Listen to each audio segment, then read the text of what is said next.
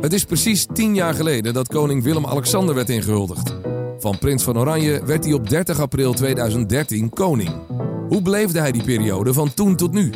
In 10 afleveringen blikken we terug op 10 jaar koningschap vanuit zijn werkkamer in Paleis Huis ten Bosch. Ik ben Edwin Evers en je luistert naar de podcast Door de ogen van de koning.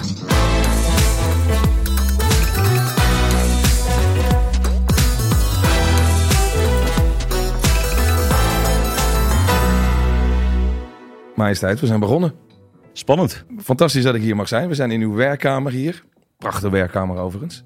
Lang geleden dat wij elkaar gesproken hebben. Zeker. Tijdens Olympische Spelen, tijdens uh, radio-uitzendingen kwamen we elkaar één keer per twee jaar tegen. Ja. Weet u het nog wanneer de laatste keer was eigenlijk? Het was in uh, Vancouver. Vlak na de foutenwissel van uh, Kramer ja. op de 10 kilometer. U zat in het stadion, ik ook. En ik dacht, ja. ik moet een uur daarna ja, toen nog de kroonprins interviewen. Hoe gaan we dit doen? Want u bent een sportfanaat. Ik denk, nou, dit wordt een drama. Die heeft er natuurlijk helemaal geen zin in. Ik had nog niet de nacht slecht geslapen toen ik met u sprak. Dus de volgende dag was het interview erger geweest, denk ik. Want ja. de nacht niet slapen na zo'n wissel, uh, dat was voor het interview nog slechter geweest. En hoe is dat vandaag? Vandaag gaat heel goed. Topfit? Topfit, helemaal klaar om te beginnen aan dit uh, interessante avontuur. Ja, een podcast. Ik vond dat echt meteen leuk. Want het is, ja, voor mij voelt dat natuurlijk een beetje als radio. U heeft ook de nodige ervaring met uh, radio. En het is natuurlijk een mooi nieuw uh, medium dat erg populair is op dit moment. Uh, heeft u zelf de podcast al ontdekt eigenlijk? Nee, eerlijk gezegd heb ik de podcast nog niet ontdekt. Nee. En het verbaast me ook ontzettend dat het zo'n succesvolle formule is. In een tijd dat alles snel, snel, snel moet gaan. Twitter 280 tekens, uh, vroeger nog 140, kon je alles in doen. Ja. En als je meer dan dat had te zeggen, dan werd er niet meer geluisterd. En toch is de podcast, is, uh, het neemt tijd, langzaam, mensen luisteren naar het, is een heel populair medium. Ja, en uh, ik denk dat het een heel goed medium is ook om te reflecteren op tien jaar koningschap. Ja, en dat gaan we per jaar doen. We beginnen zometeen in 2013. Ik heb natuurlijk de nodige instructies meegekregen. We gaan het over het koningschap hebben, uw koningschap. Tien jaar lang de koning. Maar u, niet, niet u te veel privé. iemand die echt de instructies nee, helemaal... dat klopt. ik, maar ik wilde even de piketpalen slaan. Ja, nee, maar u bent toch niet iemand die alle instructies meteen overneemt? Zal ik de iPad gewoon wegleggen nu? nee, want uh, niet te veel privé werd er gezegd. Nou, dat, uh, dat mag wel. Maar, maar u antwoordt niet. Nou, ik, ik, zal ook wel antwoorden, maar ik denk dat dit echt, ja, 2023 staat echt in het teken van tien jaar koningschap. Ja. En ik heb ook uh, voor mijn vijftigste verjaardag een uh, lang interview met Wilfried de Jong gegeven. Mooi interview. En dat was een heel persoonlijk interview. Ja. Dat was privé. Ja. Uh, en dat ging echt over 50 jaar van mijn leven. Ja. En dit gaat over 10 jaar koningschap. Daarom, ja, soms moet je toch wel die dingen kunnen scheiden. Maar de vraag is, zijn die dingen te scheiden? Die dingen zijn niet te scheiden. Nee, hè? Nee. Nou, ik ga proberen het wel te scheiden tijdens deze podcast. Dat vind ik dus heel jammer. nee hoor, nee. Hoeft, hoeft, ik ga me niet inhouden wat dat betreft. Nee. Maar ik ga me echt wel focussen op 10 jaar koningschap. Want dat is ook de reden waarom we deze podcast opnemen. Ja, we gaan zo in op die, uh, op die jaren. We beginnen met 2013. U bent tien jaar koning. Als u nou die tien jaar is, zou moeten samenvatten in een paar woorden. Wat zijn dan de woorden die, die u te binnen schieten? Nou, allereerst dat het als gisteren was. Het is zo ontzettend snel voorbij gegaan. En er is zo ontzettend gebeurd in de afgelopen tien jaar. In Nederland, in de familie, ook in Europa en in de wereld. Ik denk dat het allemaal rustig voortkabbelt als je de kans krijgt om deze unieke functie te gaan vervullen. Maar er is zoveel veranderd in de tussentijd. En Nederland is ook zo veranderd dat het eigenlijk ja, bijna niet te bevatten is dat het al alweer tien jaar geleden is. Zo snel is het gegaan. Wat, waarin is Nederland het meest veranderd, denkt u?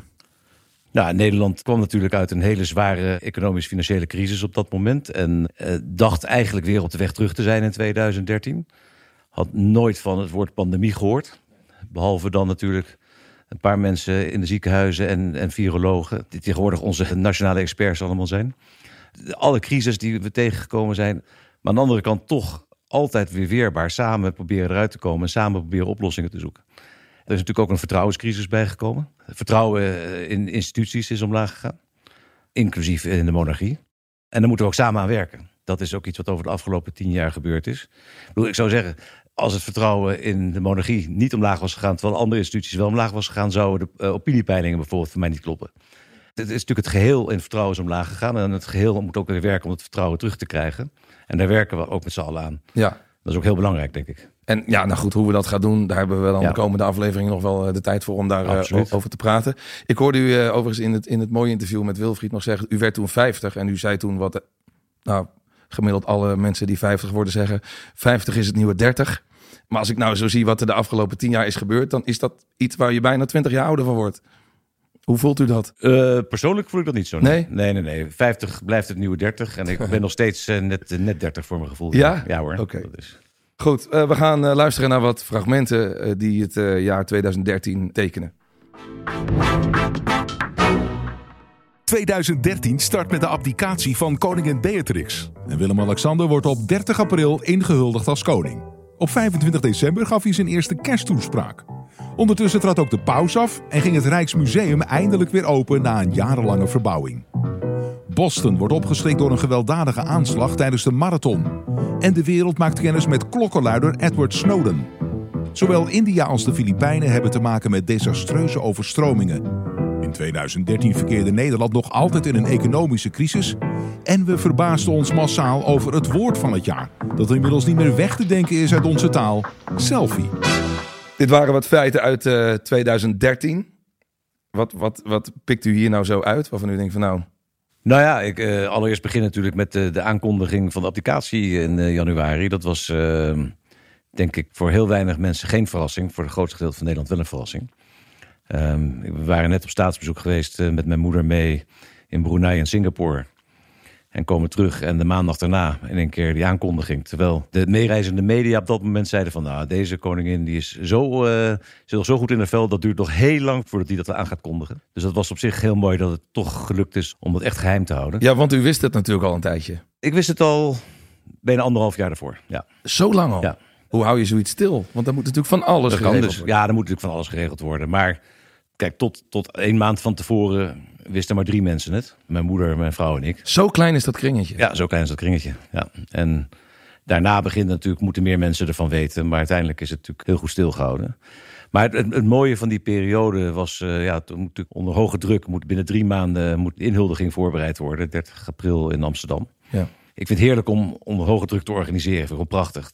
Die maanden die naartoe gaan, uh, daartoe werkend. Een hele mooie herinnering die ik daaraan heb, is uh, mijn contact met burgemeester Eberhard van der Laan. Ja. En daar is onze vriendschap toen ook ontstaan. Het was heel duidelijk dat we ieder aan het uiteinde zaten van, uh, van de informatieketen. Dus als ik wat zei, nou, dan ging het over zoveel schijven. En dan kwam het uiteindelijk bij uh, Van der Laan terecht. En die dacht van, nou, is die jongen gek geworden? Of er klopt iets niet. Want? Want het gaat, als het natuurlijk over zoveel schrijven, een soort ja, Chinese fluisteren. Iedereen zegt net iets anders. Ja. Dus hij hoorde iets totaal anders dan wat ik oorspronkelijk had gezegd. En omgekeerd ook. En op een gegeven moment, na twee weken, kwamen we erachter, dit gaat niet goed. Nee. Zo hebben we telefoonnummers uitgewisseld. En zeiden oké, okay, als een van ons iets hoort van de ander, dat je denkt van, nou, dit kan echt niet. Bel dan gewoon even. Ja. In plaats van dat je dat de keten weer instuurt en zegt van, uh, dit kan niet. Nee. Korte lijnen houden. En, uh, en dat werkte fantastisch. Ja. Waarom was het dat moment? Zit daar nog... Van de inhuldiging zelf? Ja. Ja, dat inhuldiging zelf was natuurlijk een prachtige dag. Uh, hele bijzondere oh. sfeer ook. Ik weet het op één moment heel goed herinneren. Toen stond daar. Wilhelmus werd gezongen in de Nieuwe Kerk. En ik had dus een beetje een soort van out-of-body experience. Als ik boven mezelf wat zweven was. Oh. Wat ben jij in hemelsnaam aan het doen? Wie denk je wel niet dat je bent? Oh. Zo, ik zag mezelf daar staan beneden. En, uh, en eigenlijk vond ik het wel mooi. Want het eigenlijk gewoon dat ik van ja, dat vraag ik mezelf elke dag. Wie denk je wel dat je bent dat je dit mag doen? En wat is het antwoord? En dan, dan moet je toch iedere keer voor jezelf weer beantwoorden, elke dag weer. Waarom het, ja, dat je zoiets prachtigs mag doen, koning zijn van dit mooie land. Dus ik vind dat gewoon heel ook nuttig om gewoon elke dag even af te vragen van uh, waarom mag je dit eigenlijk doen? Ja. En, en dat geeft je een extra boost om gewoon je extra in te zetten. Ja, elk uh, koningschap, en zeker dat van u, uh, krijgt ook vorm in de ogen van anderen. Wat zij zagen is onderdeel van het uh, verhaal van het afgelopen decennium. En daarom vragen we elke aflevering naar een blik van buitenaf, verwoord in een voice memo. En deze week komt die blik van buiten van André Kuipers. bekend als de tweede en voorlopig laatste Nederlandse ruimtevaarder. Hij speelde als heraut ook zelf een rol tijdens de inhuldiging. Wat zag hij die dag? Majesteit, dit is André Kuipers. En als astronaut uh, kan ik vertellen dat uh, de inhuldiging misschien nog wel spannender was dan een lancering. Je wil geen fouten maken, de hele wereld kijkt mee. En als je daar dan een hele tijd stil moet staan met uh, de staf van de wapenkoning in de hand, dan wordt het op een gegeven moment zwaar. En dan komt het spannende moment dat je, voordat de staf door vermoeidheid in de arm valt, moet gaan verplaatsen naar de andere arm. En dat doe je dan heel voorzichtig, want hij mag natuurlijk niet vallen tijdens de ceremonie. Dus dat was een heel uh, spannend moment. En waarvan ik me afvroeg, gaat dat wel goed? En mijn vraag is, heeft u zelf ook zo'n moment meegemaakt tijdens de inhuldiging? Nou, had u zo'n moment? Had ik zo'n moment? Nou, ik heb me natuurlijk uh, heel goed voorbereid voor mijn, mijn toespraak destijds. En uh, dus daar, daar maakte ik me absoluut geen zorgen over. Nee, dat was, het, we hadden het zo goed doorgenomen, eigenlijk de hele inhuldiging. Uh, ik, die dag geen enkel moment gehad dat ik voel, oei, als dit maar goed gaat. Nee? Nee, nee. Heerlijk. Nee, nee, eigenlijk geen enkel moment waar ik het gevoel had van, dit hier kan het fout gaan. Nee. Nee. nee. Wat toch wat jaartjes voorbereid.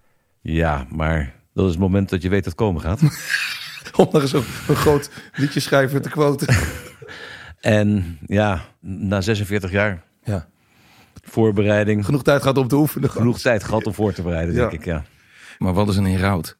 Dat is een van de functies van de begeleiders bij, uh, bij uh, de inhuldiging. En uh, ik had dus, zoals bij de op inhuldiging, als André Kuipers. Ik had René Jones gevraagd. Ik had um, generaal Van Um gevraagd vanuit de militaire kant. We zaten natuurlijk midden in de Afghanistan-missies op dat moment. En Ankie van Grunsven, op dat moment degene met de meeste Olympische medailles in Nederland. Dus die vier had ik, dat is een persoonlijke invulling die je op dat moment ook kan geven. En Ja. die waardering kan geven aan hun functie. En daarnaast Robert Dijkgraaf, ook nog. Als damschreeuwer, zoals hij zichzelf noemde. Die mocht aankondigen dat de koning ingehuldigd was. Dan. Dus, en, en vanwege het belang van de wetenschap. Hoe vaak zet u het Koningslied nog op? Ehm, Nou, u moet er wel heel erg lang over nadenken. hoe vaak zet je het op of hoe vaak heb je het opgezet? Ik Ja, nou, laten we met die laatste beginnen. ja, ik, ik, ik heb het nog een paar keer gehoord, maar ik heb het, ik heb het zelf niet op. Je kunt het eh, niet zo fluiten, zeg ik- maar. nee, nee, Nee. nee. Maar er was wel veel gedoe om toen, hè? Ja, maar ja, ik vind het heel erg zielig voor degene die daar uh, Dubank heeft met de beste bedoeling is je gevraagd om dit te doen. En het is een van onze allerbeste liedjeschrijvers. Hij is een van onze allerbeste liedjesschrijvers, heeft fantastisch repertoire. Ja. Het idee was natuurlijk wel goed. Ja, van het Nationaal Comité van vraag aan iedereen om wat input voor een lied en maak daar wat van. ja. Het idee was fantastisch. Ja. Zeker om samen te werken op zo'n moment van samenbinding. En dat zo'n ja, zo'n lied dan zo'n splijtsam wordt onterecht naar degene die ermee bezig zijn geweest. Ja. Heel erg ja jammer. het is ook wel weer een beetje typisch Nederlands. Als ik, hem- dat iedereen er weer wat van vindt, natuurlijk. Dat is zeker waar. ja. ja. ja. Uw moeder was 33 jaar koning. Ik heb even uitgerekend, dan bent u 79. Ja. Amalia 42, die is dan precies de leeftijd die uw moeder had toen ze aantrad. ja. Denkt u daar al eens over na? Nee, daar denk ik niet over na. Want ehm, Maar regeren is vooruitzien, toch? regeren is vooruitzien. Maar eh, er zijn een heleboel factoren die meespelen. En eh, ik weet niet wat er, Nee. wat er met mijn gezondheid gebeurt. Wat er met... Je weet het gewoon niet. Nee. En dus daar wil ik op deze dingen wil ik ook echt niet nadenken. Nee. Nee. Ik gun Amalia eh, natuurlijk een hele eh, goede en lange voorbereidingstijd. Ook tijd voor zichzelf, tijd om een eh, eigen gezin te stichten, of wat ze ook maar wil doen. Mhm. En, eh, en zich goed voor te bereiden op haar eh, toekomst. En dan zullen we ook, net zoals met mijn moeder, in gezamenlijk overleg uiteindelijk alweer een datum beslissen. Maar dat is echt een gezamenlijk overleg tussen Amalia Ja. en mij. En dat is in de verre toekomst. En over de voorbereiding van Amalia en over de voorbereiding die u eh, gehad heeft, daar gaan we later in de volgende uitzendingen nog uitgebreid over praten. Wat was er anders? Want de ene dag was u nog de kroonprins en de volgende dag u wordt wakker en u bent ineens koning. Nou, allereerst komt er dan de eerste dag een koffertje langs. Met stukken die je moet tekenen. Ja, En dat houdt niet meer op. Nee. Wat er ook heel erg veranderde, dat ik was, ben altijd iemand geweest vroeger van, nou ja, oké, ehm, gooi het in de groep, test het en laat mensen vooral kijken of ehm, het afschieten waarom het niet kan. Een, een idee. ja, En dat deed ik ook binnen de eigen organisatie toen mijn moeder koningin was.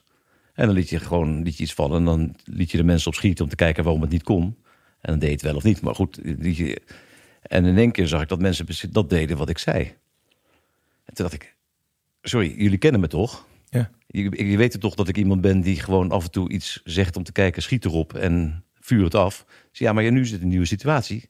Nu bent u de baas. Hè, tussen aanhalingstekens. Dus daar moest ik zelf wel heel even aan wennen. Dat, eh, dat het ook meteen uitgevoerd werd als je iets zei. in de Oh, organisatie. lijkt me echt Dat heerlijk. was- lijkt me heerlijk. Nee, want als je, als, je, als je niet verwacht dat het gebeurt, als je verwacht dat je eerst eventjes, Ja, dat het eigenlijk eh, eerst eh, van alle kanten afgeschoten en neergezabeld wordt. ja. Eh, het gaat om hele kleine dingen, het gaat niet om grote dingen, maar, maar gewoon, gewoon kleine dingen. En ineens En- werd het geregeld. en ineens werd dat geregeld. Dat was helemaal niet de bedoeling dat het meteen geregeld werd. Ik wilde eerst eventjes... Heeft u dat alleen in het werk of is dat thuis ook? Nee, thuis zeker niet. nou, Nee? nee, natuurlijk niet. Daar is niks veranderd. Nee? Nog Nee, steeds hoor. niks te vertellen? Nog- nee, ik heb nog steeds eh, een hele goede samenwerking en een hele goede eh, overlegstructuur met mijn dames thuis. Dat is geen enkel probleem. Met vier dames. Ja, fantastisch. Een groot feest. Ja? Ja. En je hebt natuurlijk ook ineens een organisatie van, nou ja, ruim 250 FTE, meer dan 300 mensen die er werken. Daar heb je veel lief en leed. Jubilea, eh, geboortes, overlijden, ziektes. Daar Ja, heb ik dat- nooit bij stilgestaan. Nee. Nee, dat je dat er allemaal extra bij krijgt natuurlijk. In één keer dat je voor je organisatie al, al die lief en leed dingen ook moet behandelen. Want dat doet u ook. Die Ja. persoonlijke betrokkenheid is Ja.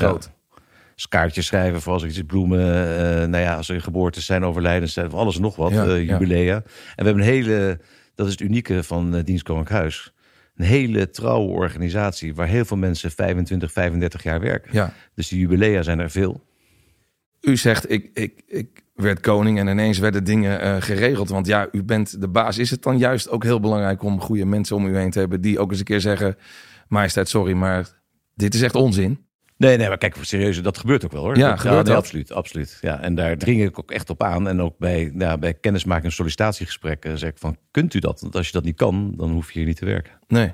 nee. Dus u heeft Want er, zijn, er werken niet heel veel mensen bij ons. In dus als je mensen hebt die dat niet kunnen, Nee, dan, eh, ja, dan dus een beetje tegenspraak eh, absoluut. moet kunnen, ja. Dus nee, niet moet kunnen, is nodig. Is nodig, ja.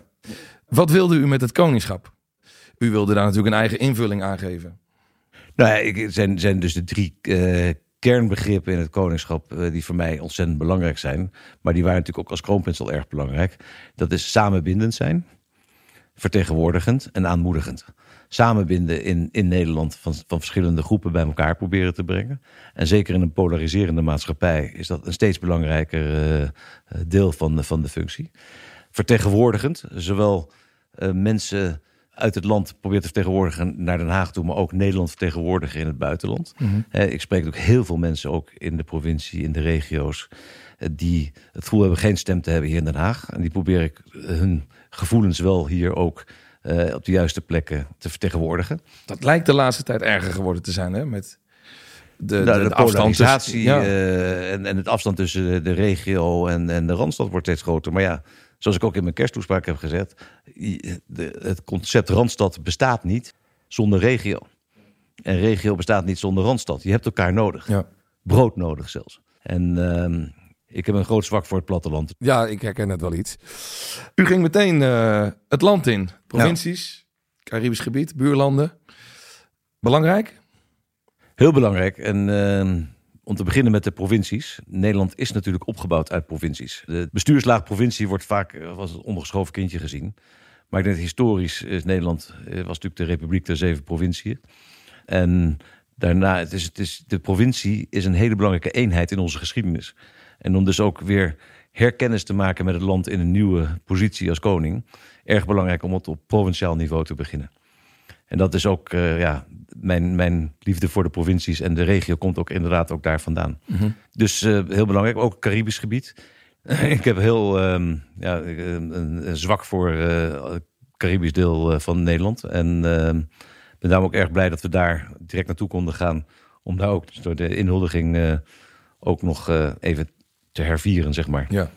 Ja. En natuurlijk ook de buurlanden meteen te bezoeken met korte bezoekjes. Ehm, ja, als je moet wachten tot je volledige staatsbezoeken van drie dagen overal af kan leggen, dan ben je veel te lang bezig. Dus ik dacht het eerste jaar heel snel Ja. korte bezoeken overal en daarna de, de formele staatsbezoeken op te pikken. Ja, niet iedereen heeft eh, even scherp in de gaten wat de koning eigenlijk doet. Ja, wat zijn de taken die hij uitvoert en hoe ziet zijn werkdag er nou uit? En wij dachten, omdat kinderen er zo goed in zijn om alles hè, zich hardop af te vragen, eh, wat ze nog niet weten, hebben we iemand bereid gevonden om daar het woord over te voeren. Dat is Muk, die volgens mij zelf ook graag koning zou willen worden. Hij gaat u vragen naar uw taken de komende weken. En deze keer wil hij graag weten wat nou precies de rol van de koning is in een land met een minister-president. Hallo, hallo, doet hij het? Hey Edwin en de koning. Ik denk dat ik ook ooit koning wil worden. Want dan ben ik de baas van Nederland. Alleen mijn vader zegt dat Mark Rutte de baas is. Maar u bent toch de baas van Rutte? Ik weet zeker dat uh, ongeveer 17,5 miljoen mensen hetzelfde denken als jij. Maar de echte baas van Nederland zijn de Nederlanders zelf, vertegenwoordigd in het parlement. Door de volksvertegenwoordiging, die elke vier jaar gekozen worden. Maar ja, we hebben dan zo geregeld, je kan niet uh, met uh, bijna 18 miljoen mensen samen de baas zijn. Dus daarom kies je mensen om jou te vertegenwoordigen. En uiteindelijk bepalen die de wet en de grondwet, waarop ook hè, mijn positie gebaseerd is. Ja. Het lijkt alsof je de baas bent, maar uiteindelijk ben je dat niet. En ik ben ook blij dat ik dat niet ben. Ik ben blij dat we in een situatie zijn als Nederland. Je mag het land dienen, je mag Nederland dienen, maar de baas blijft de Nederlander zelf. Ja, de, de term ministeriële verantwoordelijkheid die, die valt regelmatig. Wat betekent die eigenlijk? Wat het eigenlijk betekent is dat de minister moet kunnen verantwoorden in de Kamer, naar buiten toe. Ik spreek dus niet namens de regering op dat moment. Ik spreek ook geen regeringsbeleid uit, of kabinetsbeleid uit. Maar het moet niet tegenstrijdig zijn. Nee. Het moet verdedigbaar zijn, wat ik zeg of wat ik doe. Dat betekent niet dat het beleid van het kabinet hoeft te zijn. Nee. Want anders ben je een trekpop van het kabinet en dat ben je dus beslist niet. uh, maar het, is, het moet niet dus tegenstrijdig zijn Nee. of, of, of, of zo controversieel dat het echt eh, schadelijk kan zijn. Maar even om het heel simpel te zeggen, u moet wel oppassen wat u zegt. ja, maar dat moet iedereen toch? Dat moet iedereen. Dat zou iedereen althans. dat zou moet- iedereen, dat moeten, zou iedereen ja. moeten doen. Ja. Zou een, eh, leven zou, Nederland zou er een stuk mooier uitzien als iedereen dat deed. Ja. Ja? Is ja, Nederland dus een meningenfabriek geworden? Nou, is, misschien zou je dat wel zo kunnen omschrijven. Maar uiteindelijk, eh, als je even nadenkt. Ik ben altijd eh, spreken zilver, zwijgen, goud. Ja. Maar dat is wel ook echt veranderd hè, in Nederland. is En dat heeft natuurlijk, eh, dat, dat heeft allerlei oorzaken. Social media speelt daar natuurlijk een, een, een grote rol in. Profileringsdrang. En probeer je Ja. allerlei manieren je moet, proberen naar voren te werken. Hoe zou dat komen dat dat zo veranderd is? Ja, er zijn natuurlijk een heleboel verschillende redenen voor. En eh, er zijn een heleboel experts die dat eindeloos uitgeplozen hebben. Die kan ze wel napraten. Maar Ja. het feit is dat het zo is. Ja. En daar moeten we mee leren omgaan. Vindt u het wel eens lastig of belemmerend dat u eigenlijk niet vrij uit kan spreken? Kijk, eh, soms, soms is het misschien lastig. Ja. Maar het is ook, het is ook een bescherming. Voor jezelf misschien.